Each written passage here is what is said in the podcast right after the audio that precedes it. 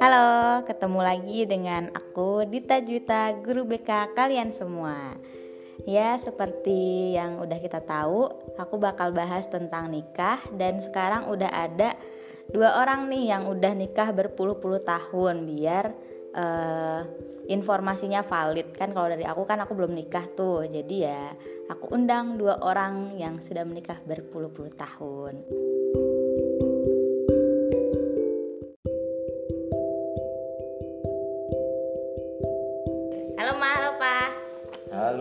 Juga. Waalaikumsalam. Waalaikumsalam. Nah, jadi kemarin itu udah banyak follower yang nanya nih tentang beberapa pertanyaan ada sekitar 12 pertanyaan tentang pernikahan. Nah, sebelum Dinda nanya-nanya nih mah, Pak, Mama Papa udah nikah berapa tahun sih? Hampir 40 tahun. Hampir 40 tahun. Lama banget ya ternyata. Uh, Dinda mau nanya nih, sekarang ini uh, yang bikin mama papa dulu nih yakin kalau misalnya papa sama mama tuh udah yakin sekarang nih nikah itu tuh apa sih yang bikin mama papa yakin kalau itu tuh udah waktunya nikah gitu? Papa dulu. Ya terserah papa atau mama dulu. Pertimbangannya sih sebutnya pertimbangan matematika. Mm -hmm. pertimbangan rasional gitu loh. Kalau manusia itu kan usia produktifnya kan sampai usia 56 tahun. Mm -hmm ya kan nah sementara itu kita kan punya kewajiban untuk mendidik anak-anak ke depannya nih mm -hmm. pendidikan itu kan memakan waktu yang cukup panjang kan mm -hmm. kita mulai di pendidikan itu dari usia 7 tahun mm -hmm. kemudian masuk SD 6 tahun mm -hmm. SMP SMA 6 tahun perguruan tinggi S1 paling enggak kan 4 tahun. Mm -hmm. Itu sudah berapa tahun kan? Mm -hmm. Sudah 24 tahun kan? Mm -hmm. Artinya kalau 56 dibagi dikurangi 24 kan kita kata 30 tahunan itu kan. Mm. Nah itu bagaimana caranya agar di usia kita umur 30 tahun itu kita sudah menyekolahkan anak yang paling bungsu gitu loh. Jadi pertimbangannya itu. Jadi menikah yang lebih dini, lebih lebih awal itu akan menikmati masa bahagia ke depannya lebih panjang dengan anak-anak karena anak-anak di saat usia kita sudah usia 56 tahun, anak-anak sudah bebas dari kebutuhan-kebutuhan e, finansial dalam kaitannya dengan e, pembiayaan sekolah itu aja pertimbangannya. Oke, rasional banget ya. Kalau menurut Mama nih apa? Kalau Mama waktu itu udah dijodohin dua kali mm -mm. sama Mbak Uyut kan. Iya. Kalau seandainya harus menolak untuk ketiga kalinya kan gak enak. Mm -mm. Maka satu-satunya jalan ya harus menikah. Mm. Tuh. Terus akhirnya ketemulah papa gitu ya. Iya. nah, terus yang bikin mama yakin kalau papa itu orangnya itu apa tuh?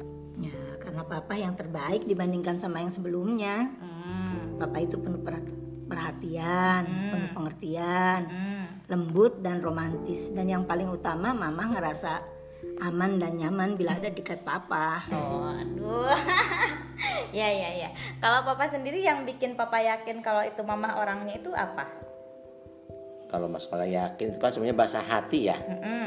kita kan dalam kesehariannya kan sama-sama berjalan mengenal hmm. kemudian dalam dalam masa mengenal itu kan banyak kesamaan-kesamaan yang bisa kita lakukan hmm. banyak tujuan yang bisa di, dilakukan secara idenya hampir bersamaan hampir hmm. sama gitu kan hmm. banyak pekerjaan-pekerjaan yang bisa dilakukan dengan hal-hal yang sama hmm. lah kesamaan-kesamaan itu kan membuat kita menjadi merasa apa klik gitu kan ya hmm. nah rasa klik itu yang penting gitu loh kenapa karena yang namanya menikah berumah tangga itu kan gak ada sekolahnya kan? Iya betul. Nah jadi bagaimana kita agar supaya dalam usia pernikahan itu selalu merasa seide sejalan harmonis itu memang perlu kebersamaan perlu perlu sesuatu yang yang tujuannya ini harus dicapai bersama-sama gitu loh. Oke oke.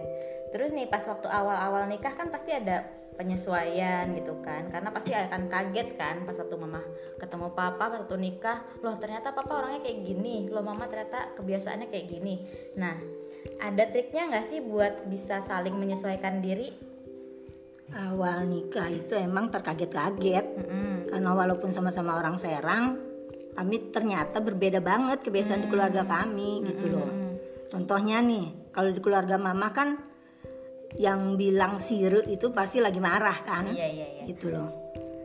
Kalau apa namanya se sementara di keluarga papa yang ngomong siru itu udah udah, udah bahasa sehari-hari gitu. Jadi waktu mama dipanggil Siru tuh kaget tuh salah mama itu apa? Gitu loh. tapi setelah dikasih penjelasan ya berusaha untuk menerima walaupun dengan berat hati. Berat hati sih. Sekarang kan keluarga mama itu eh, biasa nyebut nama gitu loh biar lebih deket. Apalagi kalau seandainya eh, sama yang lebih kecil itu pasti manggilnya enong gitu loh pertanda deket dan sayang gitu lah. Begitu nikah sama papa malah disiru-siru kan. Waduh salahku opo gitu loh ya kalau papa triknya apa nih biar saling menyesuaikan diri? Setiap orang kan pasti memiliki perbedaan kan ya? Hmm. nah penyesuaian itu akan lebih mudah diperoleh kalau dua-duanya saling menyesuaikan. Artinya gini loh papa harus bisa memahami dari sudut pandang mama itu seperti apa sih gitu loh. Begitupun juga nanti mama seperti itu gitu loh. kalau dua-duanya sudah bisa saling memahami dari sudut pandang masing-masing dan sudut pandang pasangan masing-masing akan lebih mudah penyesuaiannya ya itu aja Ya, jadi saling berusaha ya nggak cuman satu orang doang yang berusaha. intinya itu intinya Oke. Nah terus pas satu nikah kan pasti banyak konflik tuh nggak mungkin lurus lurus aja gitu kan. Nah kalau mama papa sendiri gimana cara menyelesaikan konflik itu? Hmm, kalau papa itu kalau marah diem. Mm-mm. Jadi kalau diajak ngomong jawabnya singkat. Iya, enggak gitu. Berarti kalau udah papa seperti itu berarti ada yang sesuatu yang bikin papa Marah. marah, gitu kan. Ya mama berusaha untuk ngoreksi diri gitu. Ada apa ini gitu. Kalau seandainya nggak ketemu baru nanya.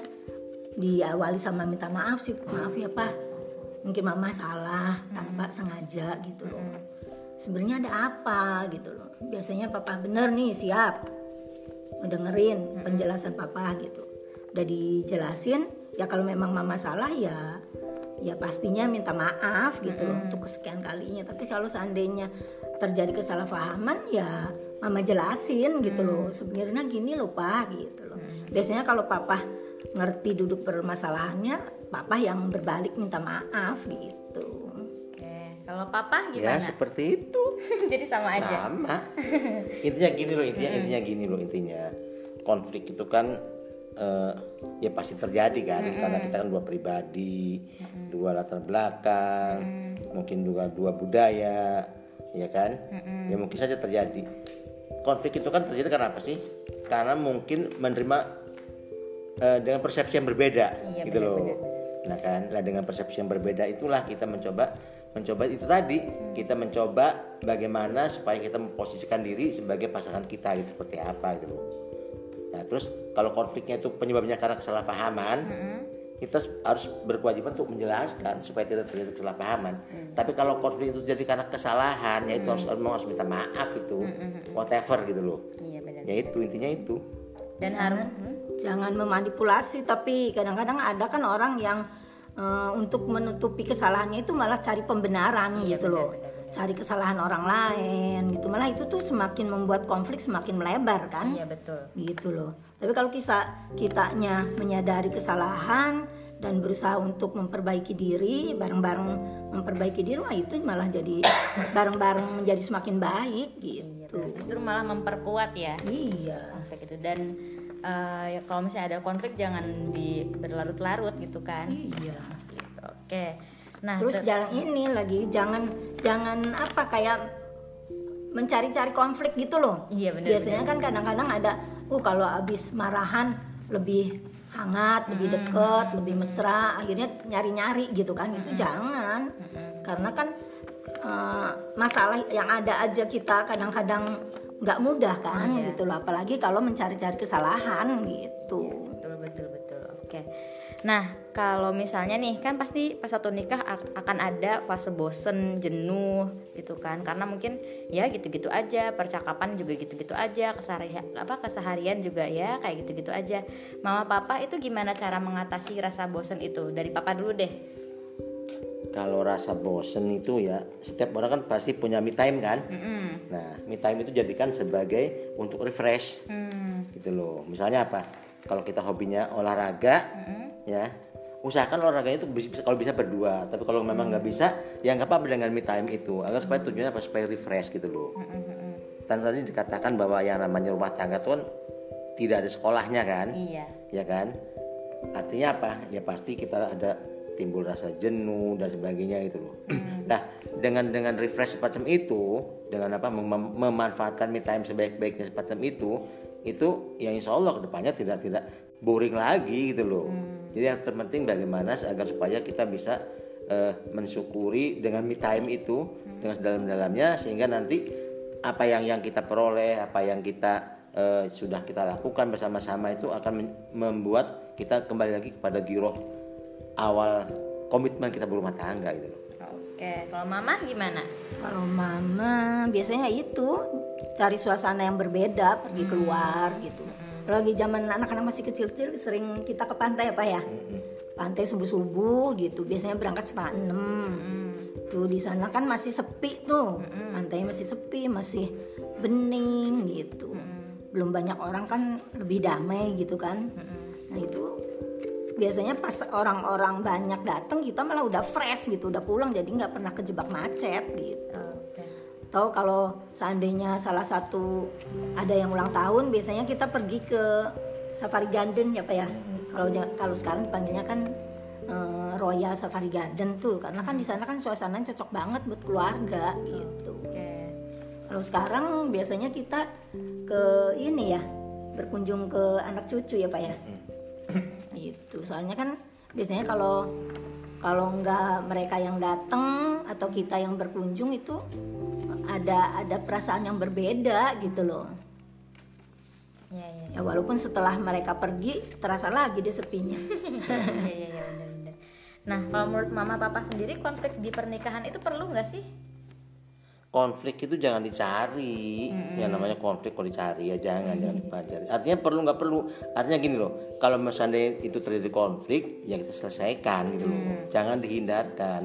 Ya kita harus harus ya reslover gitu loh harus harus harus diselesaikan dengan baik kalau terjadi konflik. Tapi bukan berarti kita mencari konflik bukan gitu loh. Kita harus kembali lagi kepada tujuan awal berumah tangga itu apa. Itu harus diingat-ingat terus loh. Itu komitmen yang harus dipegang teguh itu. Tujuan awal kita berumah, berumah tangga dulu itu apa sih? Gitu loh. Sehingga konflik itu nggak nggak berkepanjangan nggak melebar ke mana-mana. Kan kalau konflik sudah melebar ke mana-mana nggak jelas ujung pangkalnya kan jadi malah jadi repot. Iya. ya kan? Gitu loh. Jadi penyelesaiannya juga menjadi absurd kalau kita nggak jelas ininya tapi kalau kita sudah kita petakan kita identifikasi secara baik ya kan? Konflik itu bisa kita selesaikan kok gitu loh. Ya tujuannya apa? Apa? Eh, ininya apa? Harus kita saling saling komunikasi dengan baik saling terbuka menerima kekurangan kelemahan menerima masukan-masukan. Itu konflik itu bisa, bisa selesai kok itu. Oke, kalau mama? iya yang namanya konflik ya pastilah. Apalagi dua latar belakang yang berbeda kan. Ibaratnya piring gitu kan. Kalau dekatan pasti pakai trok kalau kata bahasa Sunda mah. Jadi saling bersinggungan gitu loh. Kalau kita menyadari oh kita emang latar belakangnya berbeda gitu. Dulu pendidikannya juga berbeda. Ya ya akhirnya itu yang kata papa bilang itu kita harus berusaha untuk saling memahami saling menerima ini kekurangan papa ya seperti ini gitu. Oke. Nah, menyambung saling memahami nih. Hmm. Eh, sejauh mana sih mama papa saling memahami sebelum nikah nih? Soalnya ada yang nanya juga kan mungkin dia udah pacaran lama terus kayak ngerasanya kok masih belum yakin ya nikah. Nah, sejauh mana sih mama papa saling memahami sebelum nikah itu? kami berdua itu dulu bersahabat Mm-mm. malah komitmen kami itu sebagai kakak adik gitu loh karena apa karena mama sama papa itu mama lebih tua 10 bulan. Gitu. Terus mama sama papa itu kan nggak ada rahasia tuh di antara kita. Jadi nggak ada rasa khawatir gimana gitu. Ya mama itu nyaman aja gitu ngobrol sama papa itu sharing. Sama papa itu ngerasa aman dan nyaman tanpa rasa khawatir gimana gitu. Terus itu apa sih namanya? Mama yang ngomong ke papa pak mama tuh pengennya punya suami tuh yang tiga atau lima tahun lebih tua dari mama gitu. Biar bisa ngebimbing lebih dewasa bisa bisa ngemong bisa ngebimbing gitu. Eh malah papanya kesinggung. Papa bilang usia lebih tua itu nggak jaminan lebih dewasa gitu. Ya, bener sih. terus insya Allah walaupun papa lebih muda gitu bisa ngebimbing mama kok gitu. Kalau papa? Ya itu tadi kan awalnya kan kita saling bersahabat. Nah bersahabatan itu kan artinya apa? Artinya hubungan kan jadi intens kan?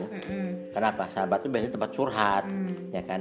Lah berawal dari situ dari curhat-curhat dari cara penyelesaiannya kok di- ditimbang-timbang kok banyak banyak kesesuaian di antara, di antara kita gitu loh.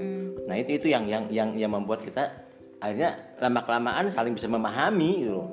Gitu. Ya itu awalnya itu awalnya. Oke. Nah, mama papa kan udah punya menantu nih, banyak kan. Eh, ada yang nanya, sebagai mertua, menurut mama papa itu biar menantu sama mertua itu rukun gimana sih?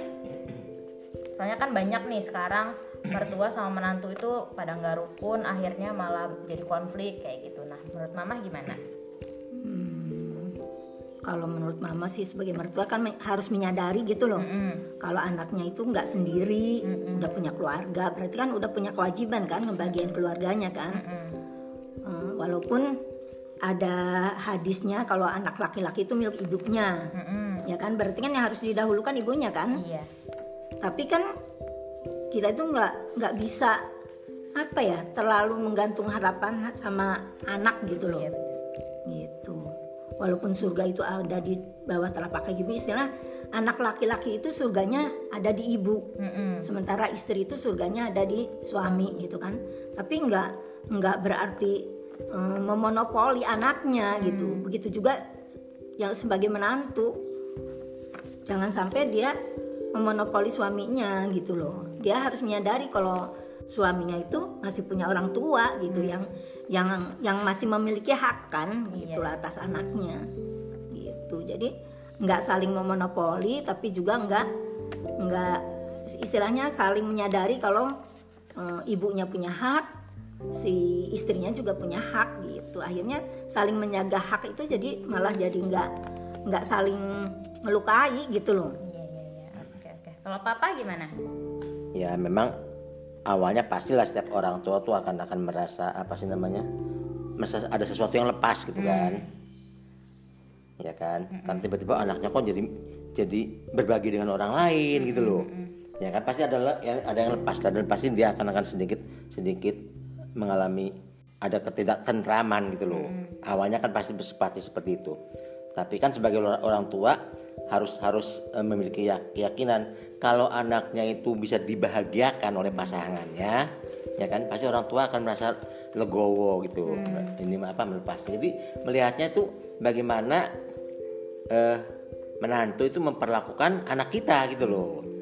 Ya kan? Iya. tapi kalau seandainya anak kita tuh diperlakukan tidak senonoh, tidak semestinya, tidak dibahagiakan, pasti orang tua mana pun pasti akan akan eh, apa namanya, pasti akan timbul kemarahan, pasti akan akan timbul rasa bagaimana cara melindungi anaknya gitu loh.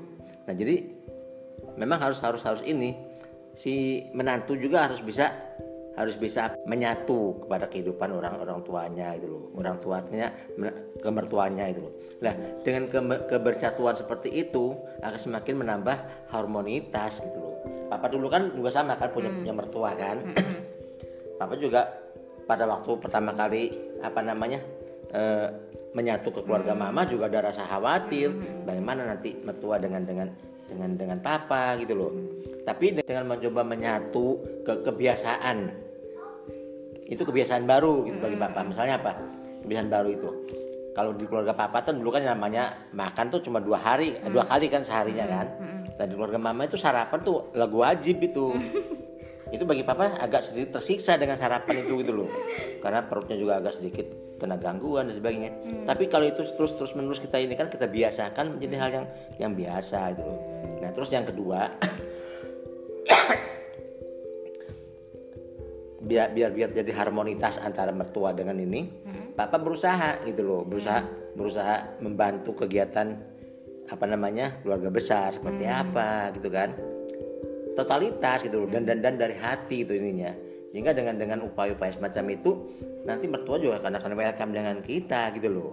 Ya kan? Pasti akan welcome dengan kita gitu bahkan mungkin mungkin gitu kan ya kita menjadi menjadi salah satu bagian daripada anak mereka gitu. Seakan-akan seperti itu gitu loh. Jadi menantu kesayangan Sayang.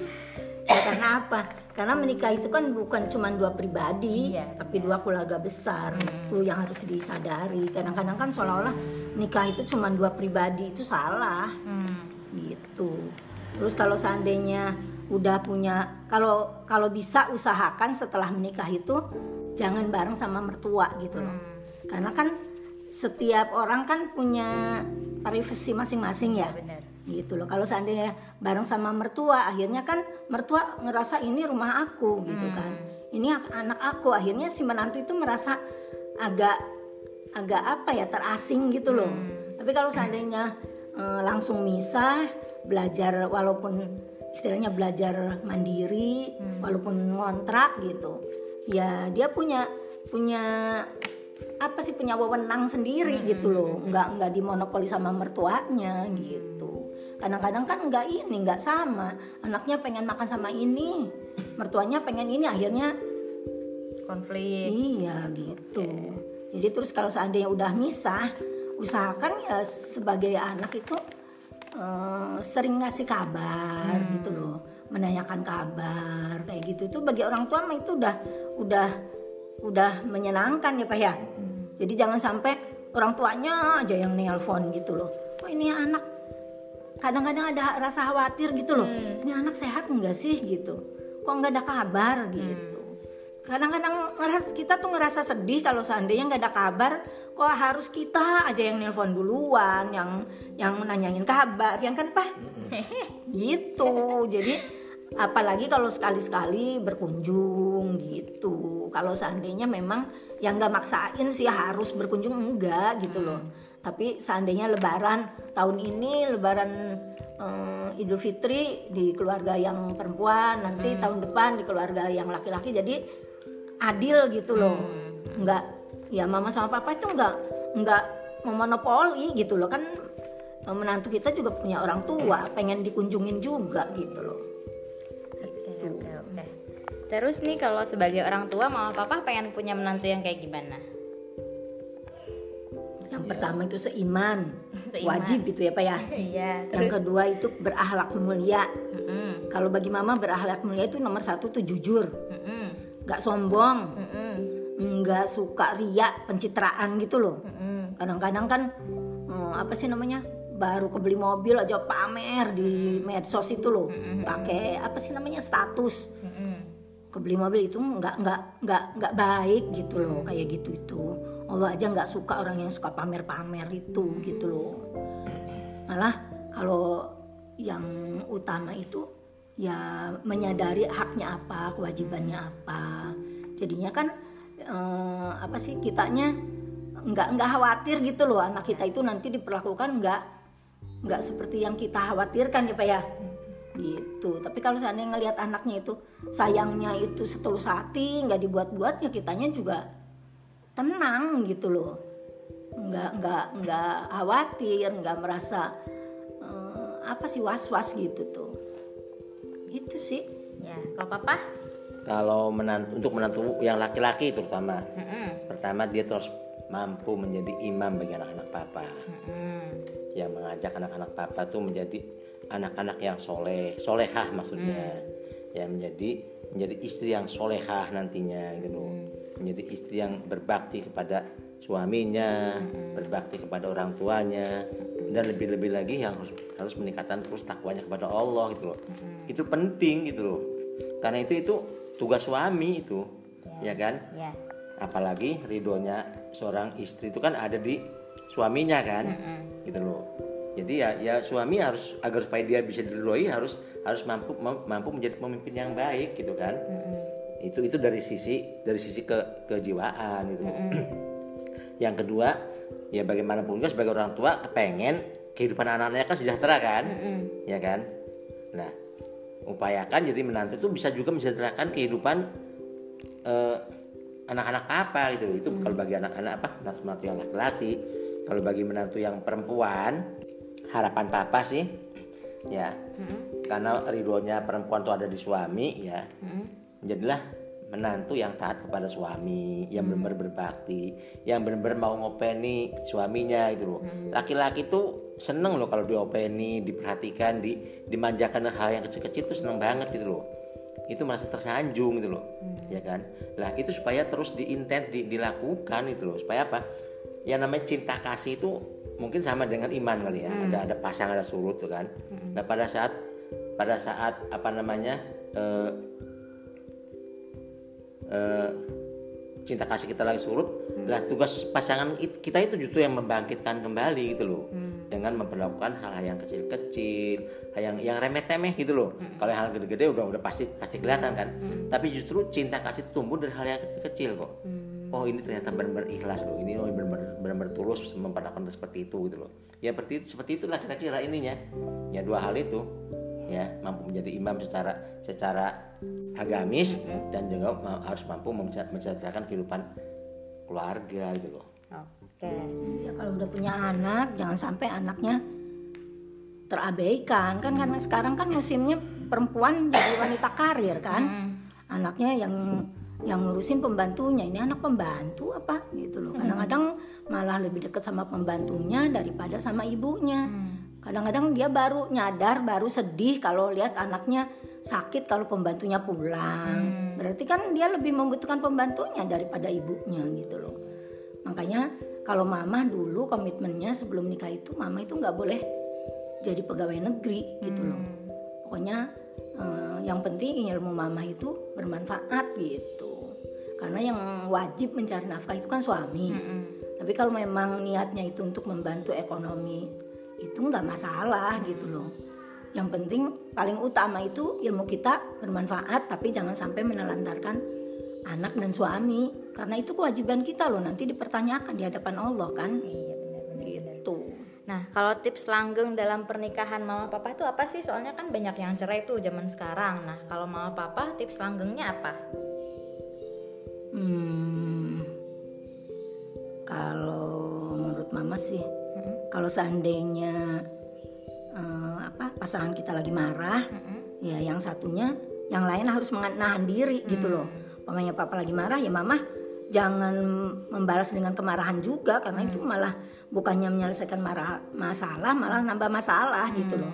Biarkan pasangan kita menyampaikan unek-uneknya gitu loh. Kalau udah selesai, udah kelihatan reda. Biasanya kan kalau udah keluar gitu kan, biasanya udah udah agak ini kan, "Mm-mm, udah reda gitu marahnya baru ininya apa dijelaskan permasalahannya begini loh pak gitu. Sama papa juga gitu. Biasanya kalau mama marah, papa diem dengerin gitu. Kalau kalau mamanya udah kelihatan reda gitu, baru papanya ini apa menjelaskan permasalahannya begini loh gitu.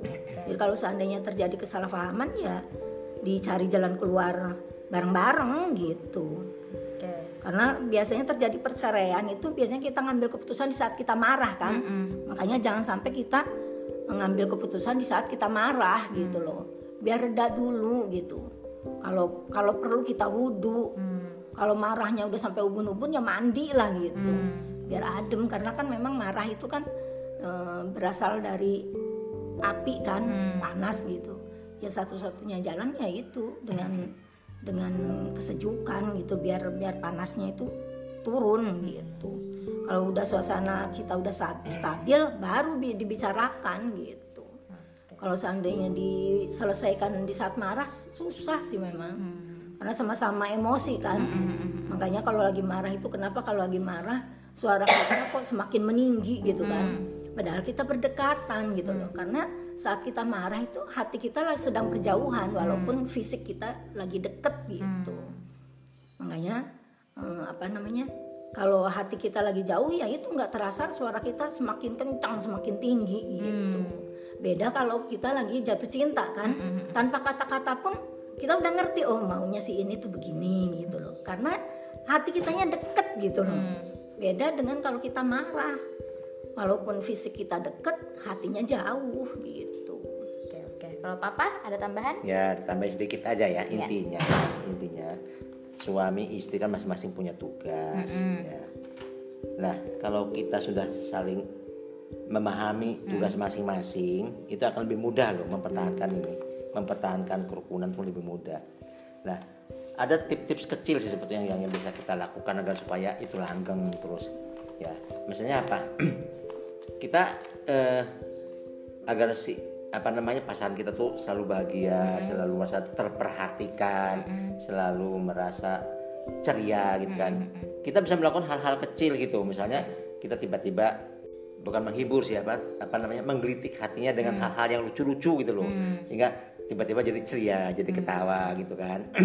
ya nggak apa-apa sih kadang-kadang kita dengan dengan tiba-tiba joget-joget di depan dia terus kemudian tertawa apa timbul keceriaan-keceriaan itu itu itu itu tips-tips kecil yang membuat kita menjadi oh ternyata hidup kita tuh ternyata indah loh gitu.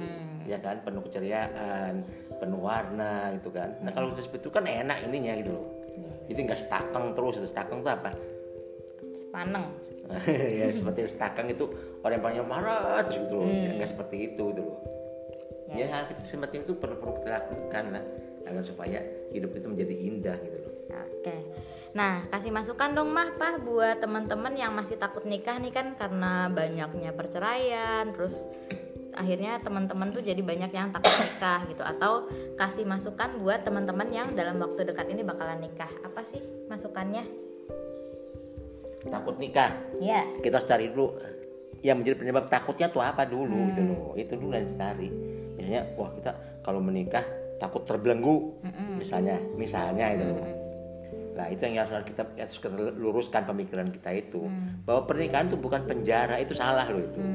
Kan kalau ada sementara ini orang mengatakan bahwa pernikahan itu penjara membelenggu kebebasan kita itu keliru itu ya kan? Kenapa karena menikah itu pencapaian tujuan yang kita lakukan bersama-sama gitu loh. Ya kan kita mencapai tujuan untuk melakukan hal yang sama-sama. Itu itu itu yang pertama harus kita kita kita ini kan kita apa namanya kita kita dalam benak kita harus kita tanamkan gitu loh. Kalau kita menganggap dengan menikah tuh itu membelenggu kita mengekang kebebasan kita itu yang yang yang salah. Ingat loh kita sebagai manusia tuh punya dua kewajiban ya kan? Yang pertama kewajiban kita tuh untuk beribadah. Yang kedua kewajiban kita itu sebagai khalifah di muka bumi. Wakil Allah di muka- di muka bumi. Ya kan? Lah sebagai wakil Allah inilah yang, yang harus kita benar-benar ini kan bagaimana supaya kita bisa menjalankan tugas ini dengan dengan baik gitu loh. Ya kan? Itu yang pertama. Terus kalau pengen tahu sesungguhnya pernikahan itu justru akan menciptakan ketenangan. Ya kan? Itu kan Allah sendiri yang berfirman itu kan. Kalau kita setiap kali menerima surat undangan pasti di situ viral bukan viral apa namanya eh, populer di, di- ditulis di surat Ar-Rum ayat 21 itu kan populer kan? Ya kan? Jadi wa min ayatihi an khalaqalakum min anfusikum azwajan litaskunu. Nah litaskunu kan sakinah kan artinya litaskunu ilaihi wa ja'ala bainakum mawaddatan wa rahmah inna fi dzalika laayatin liqaumin yatafakkarun. Di antara tanda-tanda kebesaran Allah dia menciptakan pasangan-pasangan untukmu dari jenismu sendiri. Dari jenismu tadi dari sesama manusia gitu loh. Bukan manusia dengan jin bukan manusia dengan hewan bukan tapi sesama manusia. Artinya dari jenismu sendiri juga yang sekufu yang sepemikiran yang sevisi gitu loh ya kan? Jangan yang satu mau maunya ke utara satunya mau ke selatan itu nggak akan nggak nggak akan ketemu. Itu arti, arti kalimat dari jenismu sendiri seperti itu. Apa tujuannya? Agar kamu cenderung cenderung itu apa? Eh, ada cinta kasih ada ketenangan gitu loh ya. Dan merasa tentram kepadanya lah. Kalau tujuan kita tuh ingin ingin memperoleh ketentraman jiwa ya menikah justru gitu loh. Bukan bukan bukan dengan tidak menikah gitu loh ya kan? Kan karena dengan menikah inilah maka akan timbul rasa kasih sayang gitu loh. Jadi itu yang harus, harus kita kita pegang dalam dalam benak kita tuh itu. Jangan jangan sampai misalnya wah kita takut menikah karena takut nggak bisa biayai hidup anak-anak kita. Itu seperti terjadi di Jepang sem- sementara ini kan seperti itu kan? Di Jepang udah seperti itu di Korea seperti itu. Kenapa? Karena biaya hidup mereka tuh mahal. Karena mereka biaya hidup itu mereka tuh mahal. Jadi kan mereka takut menikah gitu tetapi ada hal yang keliru mereka mereka lakukan kenapa? Karena manusia itu kan dibekali nafsu kan? Nah kalau kita sudah tidak bisa me- mengendalikan nafsu kita mereka dengan menikah takut tapi mereka mau 7-Eleven padahal dengan 7-Eleven itu bersiko ada keturunan yang timbul. Lah kita tidak bisa membangun membangun karakter generasi berikutnya loh. Ya kan? Padahal kan karakter building kan perlu kita bangun. Itu permasalahan yang harus juga harus kita harus kita apa namanya harus kita pikirkan gitu loh. Kenapa karena anak-anak yang hidup di tengah keluarga yang sakinah mawadah warohmah ya yang tenang tentram penuh kasih sayang ya itu akan menimbulkan akan menghasilkan anak-anak yang yang cerdas, yang sopan, yang berkarakter. Nah, itu yang terpenting yang berkarakter itu gitu loh. Dibandingkan dengan anak-anak yang antara orang tuanya nggak jelas gitu. Visi misinya berbeda mereka gitu loh. Ya kan? Jadi orang sama Levan itu bukan bukan visi misinya satu, itu berbeda sebetulnya. Yang menyatukan mereka itu nafsunya gitu. Itu itu yang harus, harus harus kita perhatikan betul gitu loh. Nah, dengan generasi muda yang yang yang yang apa namanya? yang nanti akan di, dihasilkan dari hasil sebuah pernikahan itulah nanti akan tercipta, tercipta negeri yang tentram juga gitu loh. Jadi yang terpenting itu justru itu membangun karakternya itu karakter generasi berikutnya. Agar supaya apa sih? Agar supaya tugas kita sebagai wakil Allah itu untuk mesejahterakan bumi itu benar-benar berhasil gitu loh, bukan sebagai perusak bumi. Nah sementara di kita itu kan jadi kita harus gali dulu ketakutan kita menikah itu apa sih sebetulnya? Hmm. Ya kan kalau takut miskin, Allah sudah sudah masing-masing memberikan rezeki kepada setiap makhluk-makhluknya loh, tidak hanya kepada manusia loh. Hmm. Cicak saja pun ya, hmm. yang hanya dengan senjatakan meletkan lidahnya bisa makan. Hmm. Padahal yang dimakan tuh nyamuk yang terbang. Hmm. Nah, dari situ harus kita kita berpikir gitu loh. Kemudian kalau takut menikah itu takut cerai, hmm. lah gimana mungkin wong nikah aja belum kok takut cerai gitu loh. ya kan? Ya, ya, ya ini harus, harus kita benerin dulu gitu loh hmm. pola berpikir kita yang kita benerin dulu gitu loh jadi jangan kita menikah untuk cerai hmm. nah itu yang itu harus kembali pada komitmen kita kalau kita ngomong wah saya takut menikah karena banyak orang-orang yang cerai. Artinya apa? Tujuan kita menikah itu untuk cerai itu yang salah gitu loh. Ya karena tapi kita yang salah. kita menikah untuk memperoleh ketentraman hidup. Nah kalau itu itu baru membuat kita giroh gitu loh. Ya jangan takut menikah karena nikah itu itu ibadah kepada Allah loh. Itu itu, itu anu loh itu apa namanya? Hukumnya uh, sesuatu yang diperintahkan oleh Allah kan itu nikah hmm. itu ya kan? Ya. Ada hadis Nabi hei anak-anak muda kalau kamu telah mampu untuk menikah maka menikahlah hmm. nah maka menikahlah itu kan itu kan perintah itu ya kan ya, ya, karena ya, ya. menikah itu dapat bla bla bla bla seterusnya gitu hmm. jadi itu yang yang yang yang harus kita ini kan itu ya. ya jangan sampai kita mengambil contoh yang salah tentang pernikahan itu tujuannya untuk apa gitu loh karena kalau kita salah mengambil contoh salah mengambil teladan ya kita akan salah melangkah gitu loh lah sekarang kalau anak-anak muda ini dia lebih memfavoritkan orang-orang yang nggak karu-karuan sebetulnya yang yang nggak jelas yang nggak jelas visi hidupnya ya, loh ya, ya, ya. ya kan bener, bener. padahal dia ngerang mungkin mengaku sebagai orang yang beragama hmm. gitu kan hmm. mengaku sebagai orang Islam misalnya harusnya yang jadi favorit dia menjadi idola dia itu Rasulullah harusnya hmm. gitu loh hmm. ya kan hmm. bukan bukan siapa bukan siapa gitu ya barangkali itulah kita luruskan dulu ketakutannya karena apa dulu baru kita bisa bisa jalan ini cari jalan keluarnya oke kalau mama hmm, jangan takut menikah gitu loh mm -mm.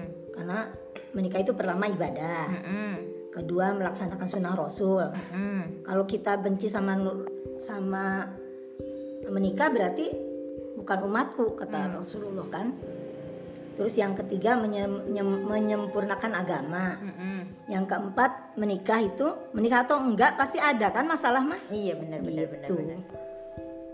Terus yang kelima jangan melihat kegagalan orang lain dalam pernikahan gitu loh. Karena kan setiap orang kan masalahnya beda-beda hmm. gitu. Jadi kalau seandainya kita, di uh, yang yang bermasalah itu pernikahannya kan belum tentu kita alami gitu hmm. loh. Karena akan berbeda justru dengan menikah itu kita bisa saling melengkapi, saling mengisi, ya kan? Mm -mm. Saling menutupi kekurangan pasangan, saling mengingatkan, saling menguatkan, bahkan saling menyejukkan dan saling membahagiakan gitu loh. Jadi kenapa harus harus takut menikah gitu loh? Mm. Kalau justru kita bisa saling memberi kesejukan, saling membahagiakan kan? Mm -mm. Gitu. Cuman jangan menikah karena target usia. Mm. Sekarang tuh kadang-kadang kalau saya udah 25 saya harus nikah akhirnya ketemunya seketemu ketemunya gitu loh sedapat dapatnya itu salah gitu loh karena nikah itu kan bukan perlombaan kan iya benar gitu terus jangan menikah karena pengen ganti status gitu loh. Hmm. kan kadang-kadang uh, yang udah janda pengen nggak janda lagi. Yang gadis pengen nikah. Setelah nikah uh, kalau pengen sekedar ganti status ganti lagi jadi janda. Iya ganti lagi akhirnya malah jadi nggak karuan gitu loh. Terus kadang-kadang orang menikah karena mantannya udah nikah dianya panas pengen nikah gitu loh. Akhirnya ya itu sedapat dapatnya juga gitu loh gitu jadi jangan jangan jangan karena panas nikah itu ya memang karena sudah klik gitu loh menemukan seseorang yang memang nantinya bisa saling membahagiakan gitu membahagiakannya itu bukan cuma di dunia tapi sampai di akhirat nanti kita saling membahagiakan itu sampai di surganya Allah gitu. Iya iya iya. Oke. Okay. Siap berarti kesimpulannya adalah nih satu oh, lagi ada nih. lagi. Kalau mau menikah mm -mm. dalam waktu dekat mm -mm. Jangan lupa sholat istiharoh. Mm -mm. Terus uh, yang paling utama lagi, yang kedua paling utama itu uh, usahakan untuk dapat ridho kedua orang tua di kedua belah pihak. Hmm. Karena itu di situ letak kebarokahannya gitu loh jangan sampai ah nanti juga kalau udah punya anak mah hmm, apa namanya pasti ridho pasti ridho belum tentu gitu loh apalagi kalau ahlaknya nggak bener kan mm -mm. gitu kadang-kadang ada yang yang karena karena udah dibutakan sama cinta diperbudak cinta lagi pacaran udah sering mukul hmm. di, di di apa namanya berharapnya ah nanti kalau udah nikah dia nggak nggak kasar lagi hmm, enggak kata Pak Mario Teguh justru setelah menikah pukulannya akan lebih keras lagi hmm. gitu loh karena dia merasa udah jadi miliknya gitu jadi jangan jangan berharap uh, dalam setelah menikah dia akan berubah menjadi semakin baik dalam waktu dekat itu hmm. Perlu waktu yang lama gitu loh merubah hmm. karakter yang jelek itu hmm. gitu ya, ya. makanya usahakan untuk sholat istihara sama uh, berusaha untuk mendapatkan ridho kedua orang tua. Biasanya kalau orang tua kedua belah pihak udah ridho, doanya itu yang hmm. membuat kita barokah gitu loh. Ya ya ya. Gitu Oke, okay, berarti kesimpulan yang dari yang terakhir itu uh, jangan takut nikah tapi juga jangan buru-buru nikah dengan alasan yang nggak rasional gitu ya. ya. Oke, okay, thank you mama papa. Yes. Alhamdulillah, Alhamdulillah udah terjawab semua. ya.